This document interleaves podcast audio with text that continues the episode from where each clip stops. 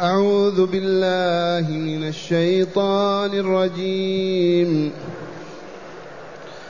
إن الذين يحبون أن تشيع الفاحشة في الذين آمنوا لهم عذاب أليم.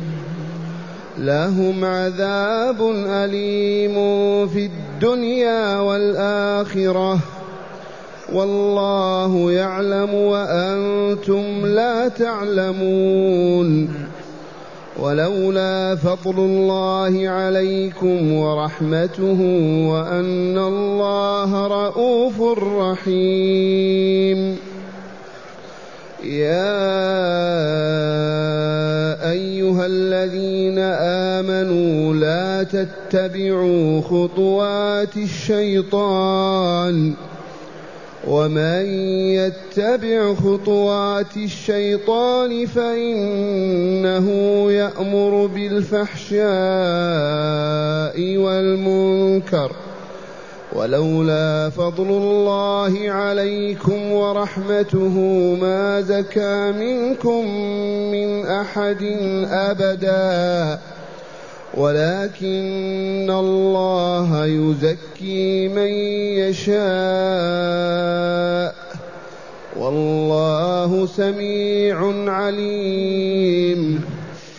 ولا يأت لأولو الفضل منكم والسعة أن يؤتوا أولي القربى والمساكين والمهاجرين. والمهاجرين في سبيل الله وليعفوا وليصفحوا. ألا تحبون أن يغفر الله لكم؟ والله غفور رحيم.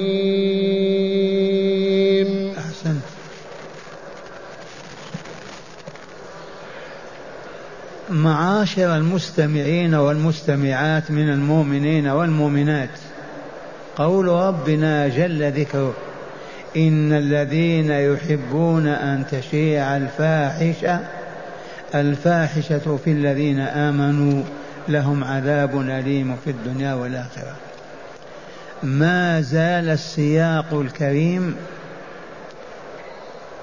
في بيان أولئك الذين ولغوا في الإفك ووقعوا فيه وهم العصبة التي من بينهم وعلى رأسهم عبد الله بن أبي بن سلول ثم مصطح بن أثاثة ثم حسان بن ثابت ثم حمنة بنت جعش.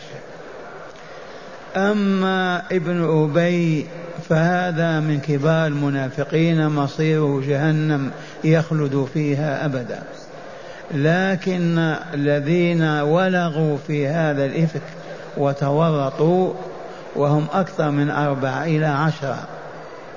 الخطاب لهم والعتاب لهم.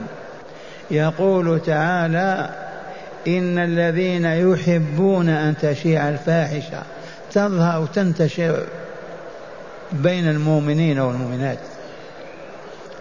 وهذا يا معشر المستمعين والمستمعات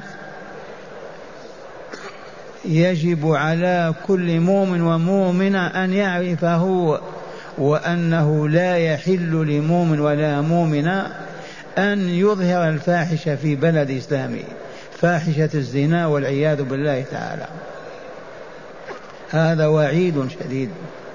إن الذين يحبون يشتهون بنفوسهم أن تشيع الفاحشة وتظهر فاحشة الزنا واللواط والعياذ بالله في الذين آمنوا. أما في الكافرين شأنهم الكفار إلى جهنم ليسوا في الطريق المستقيم إلى الجنة. فلهذا يزنون أو يفجرون أو يفتحون أندية اللواط أو يفعلون شأنهم لا قيمة لهم. لكن المؤمنين الربانيين أولياء الله من عباده الصالحين. كيف تظهر الفاحشة في بلادهم؟ كيف يسمح بها؟ كيف يتعاونون عليها؟ هذا وعيد شديد. اسمع اسمع. إن الذين يحبون مجرد حب فقط أن تشيع الفاحشة في الذين آمنوا جزاؤهم لهم عذاب أليم في الدنيا والآخرة. في الدنيا وهو الجلد ثمانين جلدة هذا شأن من يشيع الفاحشة. ويقول فلان زنى أو فلان زنت. أو فلان كذا أو كذا إما أن يأتي بأربعة شهود وهيهات هيهات أن يأتي بهم وإما أن يكشف ظهره ليجلد ثمانين جلدة ثم يغرب بعيدا من البلاد. سنة كاملة. للقضاء على الفاحش حتى لا توجد ولا تظهر في بلاد المسلمين. لأنها من أقبح ما يكون من القبح والعياذ بالله.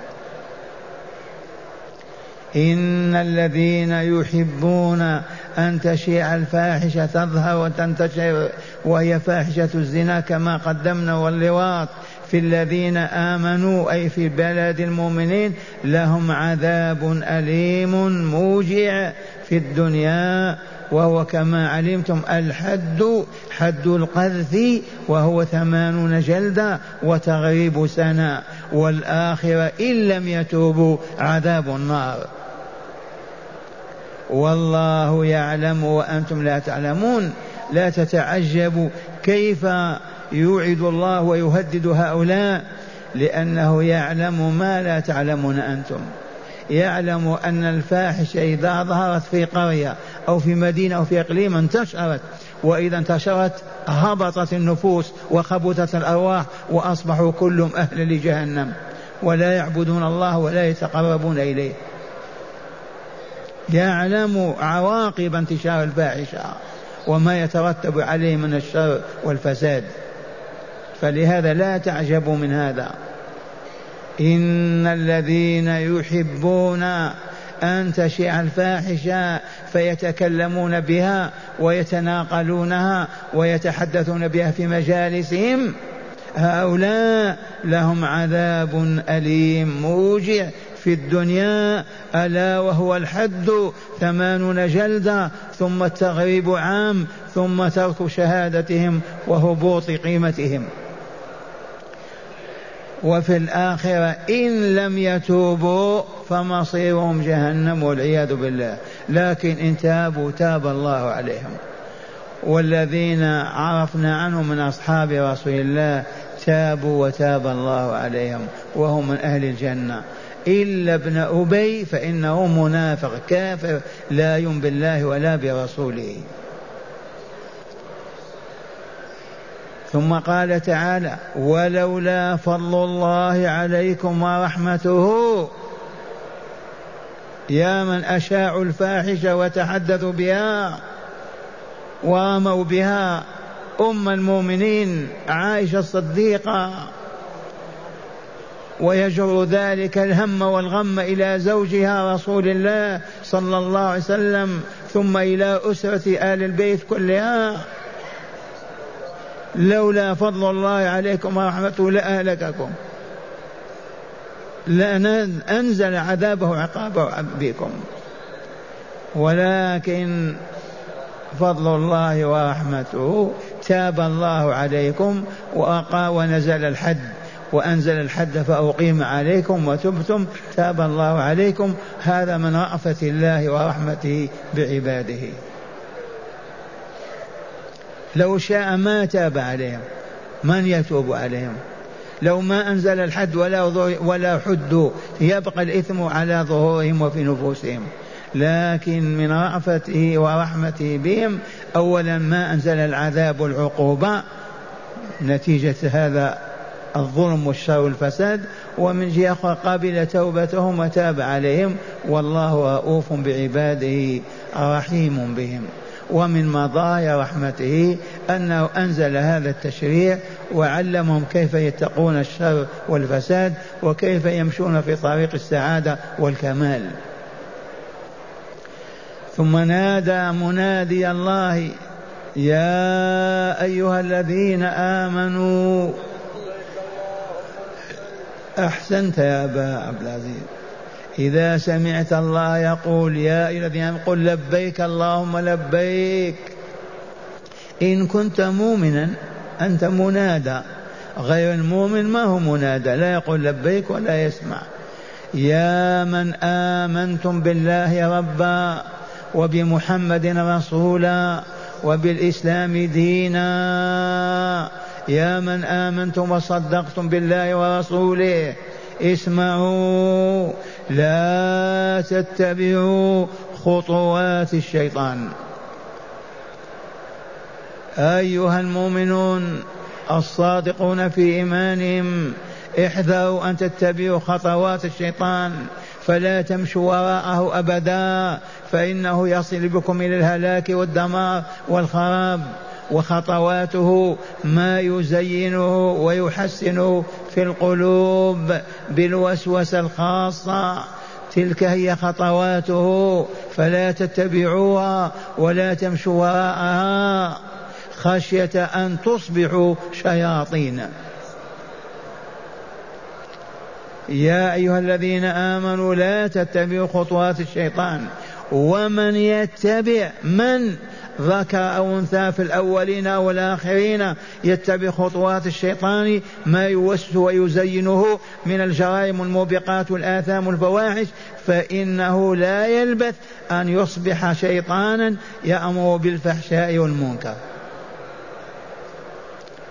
فالذين يأمرون بالفحشاء بيننا والمنكر والله شياطين.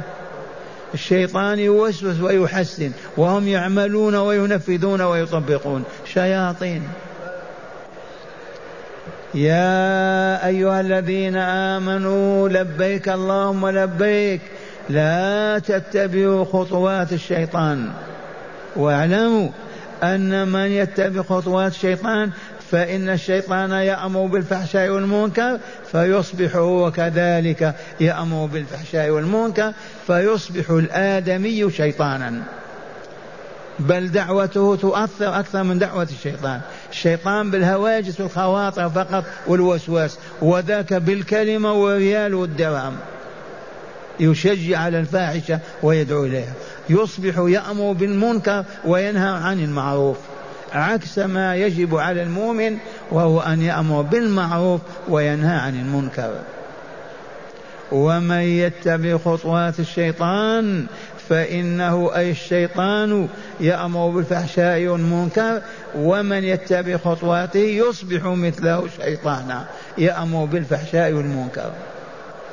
وقوله تعالى ولولا فضل الله عليكم ورحمته ما زكى منكم من أحد أبدا ما طهر ولا طاب أحد.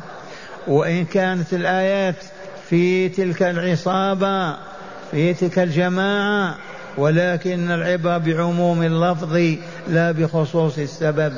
ولولا فضل الله علينا ورحمته بنا والله ما زكى منا أحد. لماذا؟ لقوة تأثير الشياطين. وما تحسن من القبائح. وما تزين من الفواحش فالنفس ونحن ضعفاء عاجزون. لكن الله من علينا فحفظنا ووقانا. ومعنى هذا هيا نشكر الله ونحمده ونثني عليه خيرا ولا نتكبر ولا نتبجح ولا تقول نحن ما نفعل المنكر نحن ما نفعل الشر. فتصاب بالكبر والعياذ بالله.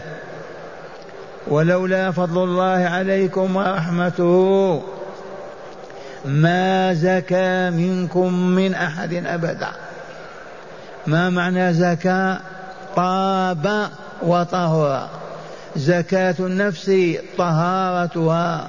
فلان زكى نفسه طيبها وطهرها. فلان زكي نقي طاهر. ما به ذنب ولا إثم ولا عيب. ولكن الله يزكي من يشاء. ولكن الله يزكي من يشاء. من هو الذي يشاء الله تزكيته؟ ذاك الذي قرع باب الله وطلب الزكاة وتل وت وت وخر ساجدا بين يدي الله متضرعا طالبا ذاك الذي يعطيه الله الزكاة. أما الذي يرفع رأسه أو يتكبر أو لا يبالي فلا يزكو أبدا. لا بد من أن تخنع وتخضع وتذل لله وتسأله وتدعوه. يا رب يا رب آت نفسي هداها وزكها. أنت خير من زكاها أنت وليها أنت مولاها. زكاة رب نفسي نفسي نفسي. فإذا قرعت باب الله وألححت عليه والله لا يزكيك. ولكن الله يزكي من يشاء. من هو الذي يشاء له تزكيته؟ قولوا الذي طلبها ورغب فيها وبحث عنها. هذا الذي يزكيه الله. أما المعرض المتكبر المستنكف فكيف يزكيه الله؟ هذا ما يشاء الله تزكيته. لأن مشيئة الله على عدل وحكمة ما هي مشيئة إنسان يتخبط. والله سميع عليم. صفتان عظيمتان من صفات الرب تعالى. سميع لكل أقوال عباده. عليم بكل حركاتهم وسكناتهم وتحركاتهم. فلذا يزكي من هو أهل للتزكية. ويترك من هو أهل للترك. لأنه سميع عليم. أولا سميع لأقوال عباده. من نطق بكلمة سمعها الله بل ما ينطق بها إلا وقد كتبها الله عليه. عليم بأحوالهم الظاهرة والباطنة فمن هنا يزكي من يشاء. والذي ما يشاء تزكيته ما يزكيه. ومعنى هذا نقرع باب الله ونلازمه يا رب زكي أنفسنا وطيبة وطهرها ونعمل بأدوات التزكية والتطهير ولا نفرط فيها من ذكر الله عز وجل وطاعته والبعد عما يزينه الشيطان ويحسنه للإنسان من أنواع القبح والعياذ بالله. ثم قال تعالى ولا يأتل أي ولا يحلف أولو الفضل منكم والساعة هذا نزل في أبي بكر الصديق. هذه الآية نزلت في أبي بكر الصديق. إذ كان له ابن خالة وهو مصطح بن وثاثة ابن خالة أبي بكر الصديق وكان مهاجرا فقيرا فآواه أبو بكر وأصبح ينفق عليه وعلى أهله. فلما تورط في الإثم في الإفك حلف أبو بكر أن لا يدخل بيته ولا يأكل طعامه بعد اليوم وله الحق. ما دام يلغ في عرض ابنته ما يعطيه طعاما ولا شراب ولا يقبله كما كان. ولكن الله أبى ذلك. قال ولا يأتلي أي ولا يحلف لأن أبا بكر قال والله لا يدخلن بيتي بعد اليوم ولا يأكل طعامي. معذور. ولا يأتلي أولو الفضل منكم والساعة أي الغنى أن يؤتوا أولي القربى والمساكين والمهاجرين في سبيل الله. أن يؤتوهم ما هم في حاجة إليه من طعام أو شراب أو كساء أو مال. ما عليهم ليس عليهم أن يحلفوا أبدا. ولا يأتل أولو الفضل منكم. والسعة منكم يا معشر أصحاب رسول الله صلى الله عليه وسلم أن يؤتوا أولي القربى يعطوا أصحاب القرابة من خال وابن خال وعم وما إلى ذلك. والمساكين والمهاجرين من مكة ما بأيديهم شيء. وهجرتهم في سبيل الله لا في سبيل الدنيا ولا مال. وليعفوا عمن عزموا على لا يعطوهم. وليصفحوا فلا يلومونهم ولا يسبونهم ولا يشتمونهم. ثم قال تعالى ألا تحبون أن يغفر الله لكم؟ قال أبو بكر أحب أن تغفر لي. وقال يا مصطح تعال إلى ما كنت فيه. وكفر عن يمينه فلهذا من حلف على خير لا يفعله عليه أن يكف عن يمينه ويفعل الخير. من حلف ألا يصوم ألا يتصدق ألا يمشي إلى المسجد ألا يجلس المجلس الفلاني مجالس الخير عليه أن يكفر عن يمينه ويأتي الذي هو خير. ولا يبقى مصرا على يمينه. لهذه الآية الكريمة نزلت في أبي بكر الصديق. هذا أبو بكر من أبو بكر؟ هذا صاحب رسول الله وثالثه في الغار وخليفته بعد وفاته. هذا أبو بكر.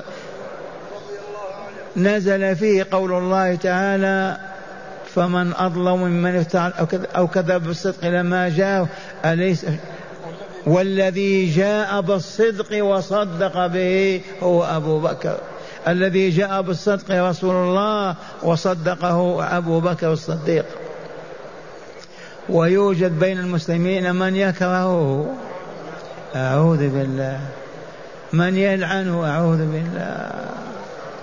والذي أقول تعليما للمؤمنين والمؤمنات أصحاب رسول الله صلى الله عليه وسلم نزل فيهم قرآن نتلوه إلى اليوم. ما هو؟ لقد رضي الله عن المؤمنين إذ يبايعونك تحت الشجرة فعلم ما في قلوبهم فأنزل السكينة عليهم وأثابهم فتحا قريبا.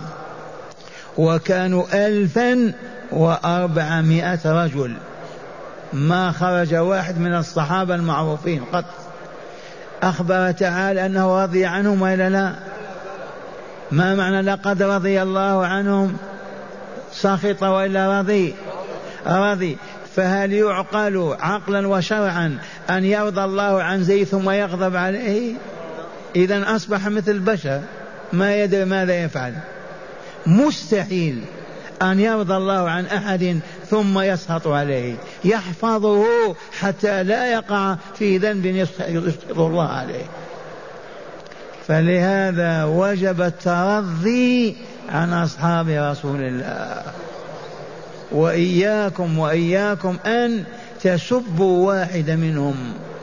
فإن من سب صحابيا يجب أن يؤدب شرعا. أما من يكفر مؤمنا فهو كافر ما هو صحابي. من يكفرني أنا والله هو كافر.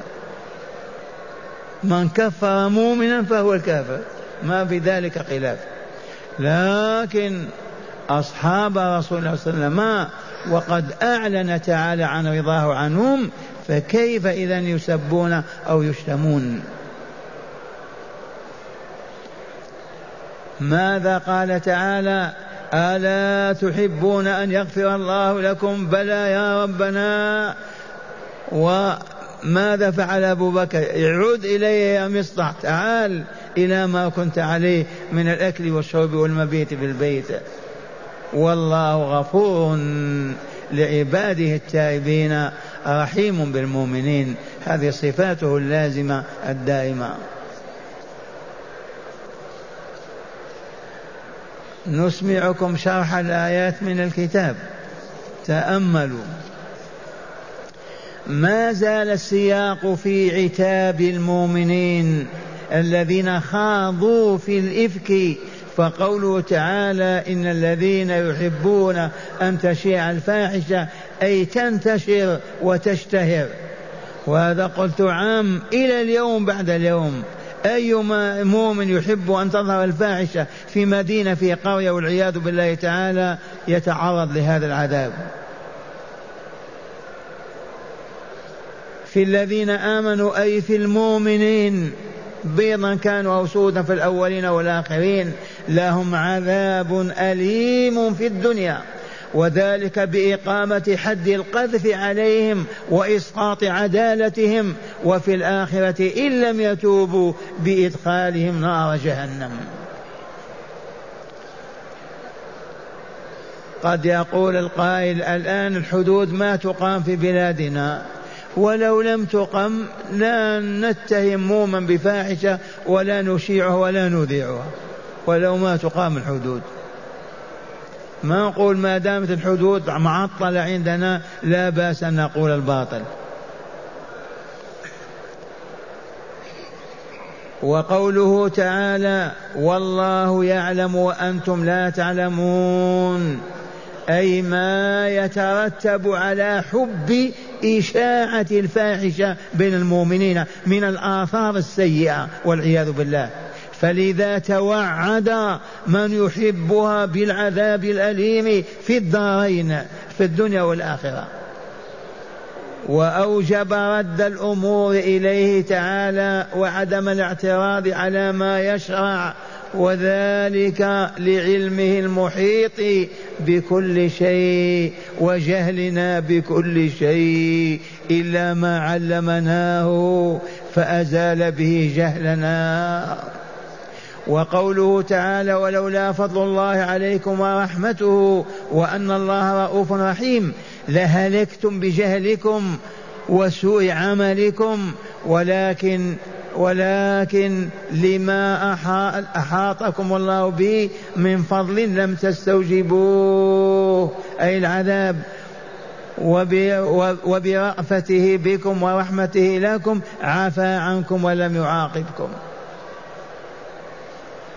صح الحرف هذا وبرأفته بكم ورحمته لكم عفى عنكم ولم يعاقبكم.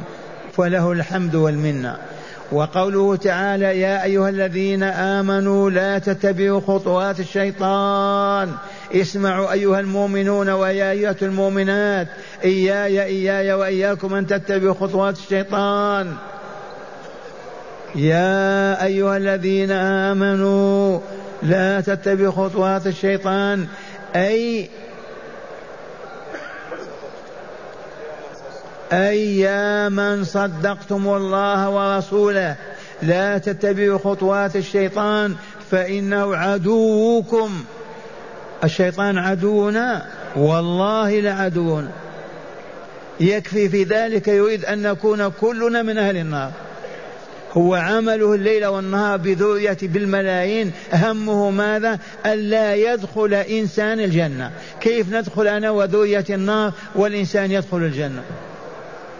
والله يقول إن الشيطان لكم عدو فاتخذوه عدوا اجعله عدوا لكم تبتعدون عنه وتكرهونه وتلعنونه. أياما صدقتم الله ورسوله لا تتبعوا خطوات الشيطان فإنه عدوكم فكيف تمشون وراءه؟ وتتبعونه فيما يزين لكم من قبيح المعاصي وسيء الأقوال والأعمال. فإن من فإن من يتبع خطوات الشيطان لا يلبث أن يصبح شيطانا يأمر بالفحشاء والمنكر. تعرفون شياطين البشر وإلا لا؟ يفتح دار بغى. هذا شيطان وإلا لا؟ دار زنا فتحها وساعد له شيطان يفتح دار ربا شيطان.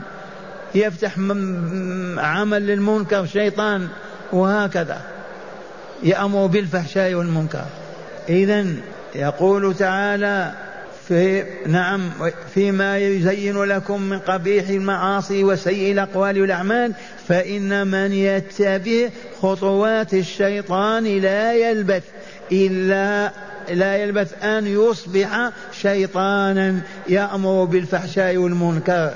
ففاصلوا هذا العدو فاصلوه وابتعدوا عنه واتركوا الجري وراءه فإنه لا يأمر بخير. قط. الشيطان يأمر بخير. والله ما يأمر بخير قط. واحذروا وساوسه وقاوموا نزغاته. بماذا نقاومها بالعصا؟ قال لا بالاستعاذة بالله السميع العليم. خطر في بالك خطر أعوذ بالله من الشيطان الرجيم. أيما وسوسة جاءت في خاطر في قلبك التفت إلى يسارك والعنه. أعوذ بالله من الشيطان الرجيم. حتى ولو كنت في الصلاة. وقوله تعالى ولولا فضل ولولا فضل الله عليكم ورحمته ما زكى منكم من أحد أبدا وهذه منة أخرى عطية إلهية وهي أنه لولا فضل الله على المؤمنين ورحمته بحفظ ورحمته بحفظهم ودفع الشيطان عنهم ما كان ليطهر منهم أحد. والله العظيم. مرة ثانية. يقول تعالى ولولا فضل الله عليكم ورحمته اسمعوا أيها المؤمنون ما زكى منكم أحد أبدا أي طاب وطهر. وهذه منة أخرى وعطية إلهية وهي أنه لولا فضل الله على المؤمنين ورحمته بحفظهم ودفع الشيطان عنهم ما كان ليطهر منهم أحد أبدا. كلهم يخبثون ويتلوثون. وذلك لضعفهم واستعدادهم الفطري الخلقي للاستجابة لعدوهم. فعلى الذين شعروا بكمالهم لأنهم نجوا مما وقع فيه عصبة الإفك من الإثم أن يستغفروا لإخوانهم وأن ي... وأن يقللوا من لومهم وعتابهم. نحن كنا مع أصحاب الرسول وإلا لا في جماعة تورطت وإلا لا. علينا نحن الذين حفظنا الله ووقانا وما تورطنا ألا نتكبر بل علينا ألا لنوم إخواننا ولا نعتب عليهم بل نستغفر لهم وندعو الله لهم. لأن الله تاب عليهم وإلا لا وأقيمت الحدود عليهم. قال فعل وذلك لضعفهم واستعدادهم الفطري للاستجابة لعدوهم. فعلى الذين شعروا بكمالهم منا مثلا لأنهم نجوا مما وقع فيه عصبة الإفك من الإثم عليهم أن يستغفروا لإخوانهم وأن يقللوا من لومهم وعتابهم. فإنه لولا فضله عليهم ورحمته بهم لوقعوا فيما وقع فيه إخوانهم وإلا لا. نعم إذا فليحمدوا الله الذي نجاهم وليتطامنوا تواضعا لله وشكرا له. على كل مؤمن منا ومؤمنة نجاه الله من الفاحشة ومن الشر والفساد أن لا يتكبر ويترفع ويرى نفسه أفضل من عباد الله بل يتواضع ويدعو لإخوانه بالمغفرة والرحمة والهداية. ذي تأديب الله لنا. قال وقوله تعالى وض وض ولكن الله يزكي من يشاء والله سميع عليم. أي فمن شاء الله تزكيته زكاه وعليه فليلجأ إليه وليطلب التزكية منه. وعليه فليلجأ المؤمن إلى الله وليطلب التزكية منه وهو تعالى يزكي من كان أهلا للتزكية. ومن لا فلا لأنه السميع الأق... سميع... لأنه السميع لأقوال عباده والعليم بأعمالهم ونياتهم وأحوالهم وهي حال تقتضي التضرع إلى الله والتذلل إليه وطلب الهداية منه. في كل صلاة نصليها في كل قنوت نقنته وقوله تعالى ولا يأتل أولو الفضل منكم والساعة أن يؤتوا أولي القربى والمساكين والمهاجرين في سبيل الله وليعفوا وليصفحوا. هذا قد يقع الآن. مؤمن يحسن إلى مؤمن يراه أذنب ذنبا يقطع عنه الإحسان. يذكر هذه الآية كأبي بكر الصديق ولا يقطع عنه إحسانه. هذه الآية نزلت في أبي بكر الصديق لما منع مصطح من أثا ابن أثاثة وهو ابن خالته وكان رجلا فقيرا من المهاجرين ووقع في الإفك. فغضب عليه أبو بكر وحلف أن لا وحلف أن يمنعه ما كان يرفده به من طعام وشراب. فأنزل الله تعالى هذه الآية ولا يأتل أولو الفضل أي ولا يحلف أصحاب الفضل والإحسان والسعة في الرزق والمعاش أن يؤتوا أولي القربى أي أن يعطوا أصحاب القرابة والمساكين والمهاجرين في سبيل الله كمصطح وليعفوا أي وعليهم أن يعفوا عما صدر من أولئك الأقرباء من الفقراء والمهاجرين وليصفحوا أي يعرضوا عما قالوا فلا يذكروه لهم ولا ولا يذكروهم به لأنه يؤلمهم فإنه يحزنهم ويسوء ويسيئهم و ولا سيما ولا سيما وقد تابوا وأقيم الحد عليهم. ما بقي معنى للومهم ولا لعتابهم. وقوله تعالى ألا تحبون أن يغفر الله لكم؟ فقال أبو بكر بلى. والله أحب أن يغفر الله لي. فعندها صفح وعفا وسأل وسلم عن يمينه. فقال كفر عن يمينك. ورد الذي كنت تعطيه لمصلح. ففعل. وتقر بذلك أن من حلف يمينا على شيء فرأى غيره خيرا منه كفر عن يمينه وأتى الذي هو خير. كما علمتم. وقوله تعالى والله غفور رحيم فهذا إخبار منه تعالى أنه ذو المغفرة والرحمة وهما من صفاته الثابتة له. وفي هذا الخير الخبر تطميع للعباد لأن يرجوا مغفرة الله ورحمته وذلك بالتوبة الصادقة والطلب الحثيث المتواصل لأن الله تعالى لا يغفر لمن لا يستغفره ولا يرحم لمن لا يرجو ويطلب رحمته. مع هداية الآيات. بسم الله والحمد لله. من هداية هذه الآيات أولا لقبح فاحشة الزنا وضع الله تعالى لمقاومتها أمورا منها. اولا حد شرعي لها. هذا خلاصة للصورة كاملة. انتبهتم؟ خلاصة لما جاء في سورة النور من أحكام. فتأملوه وقع بهدوء. بعضها شرحناه والبعض ما زال في الآيات. اسمع اقرأ. قال لقبح فاحشة الزنا وضع الله تعالى لمقاومتها أمورا منها حد شرعي لها. نعم من أجل قبح فاحشة الزنا والعياذ بالله تعالى وضع الله لها أمورا أكثر من عشرة. الآن تمر بينكم.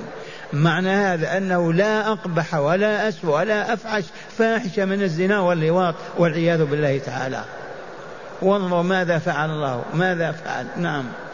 أولا أول هذه الأمور أنه وضع حد شرعي لها. أولا وضع حد شرعي للزنا. إذا زنى الرجل وزنت المرأة وهما غير ثيبين لا بد وأن يجلدا مئة جلدة لكل واحد منهما. تباتم هذا حد. منعا للفاحشة. ثانيا. ثانيا منع تزويج الزاني. منع تزويج الزاني والزانية. إذا عرفنا أن رجل زاني لا نزوجه أبدا ببناتنا ولا نسائنا. وإذا عرفنا المرأة زانية لا نزوجها رجالنا أبدا إلا بعد التوبة. كل هذا منعا لهذه الفاحشة المنكرة. ثالثا. ثالثا ومنها شهود عدد من المسلمين إقامة هذا الحد ومنها هذا الحد لا بد من أربع شهود يشهدون على أن فلان زنى وهذا يتعذى وقد لا يوجد. من يحصل على أربعة شهود؟ وذلك من أجل تغطية وتعمية هذه الفاحشة حتى لا تظهر بين الناس. وإقامة عدد من المسلمين شهود كذلك عندما يقام الحد على على من قذف يجب أن يحضر شهود ناس يشهدون هذه المحال هذا الحد حتى يشيع ذلك بين المسلمين ويخافون هذه الفاحشة. رابعا حد القذف ومنها اللعان بين الزوجين. حد القذف من قذف مؤمنا وقال يا زاني أو يا زاني إما أن يأتي بأربع شهود وإما أن يجلد ثمانين جلدا ويغرب عام. ومن ثم ما يذكر إنسان فاحشة في البلاد. وبين الزوجين؟ وبين الزوجين اللعان. إذا اتهم الرجل زوجته بأنها زنت أو الولد ليس ولده يلاعنها وتلاعنه ويفرق بينهما أبدا إلى يوم القيامة. خامسا حرمة ظن السوء بالمؤمنين. حرمة ظن السوء بالمؤمنين. مؤمن ولا مؤمنة أن يظن سوءا بمؤمن أو مؤمنة. محرم. لأن هذا قطع لفاحشة الزنا والعياذ بالله تعالى. سادسا حرمة حب ظهور الفاحشة وإشاعتها في المؤمنين. حرمة حب الفاحشة وحب ظهورها كما تقدم. حب ظهور الفاحشة من أقبح الذنوب أكبرها.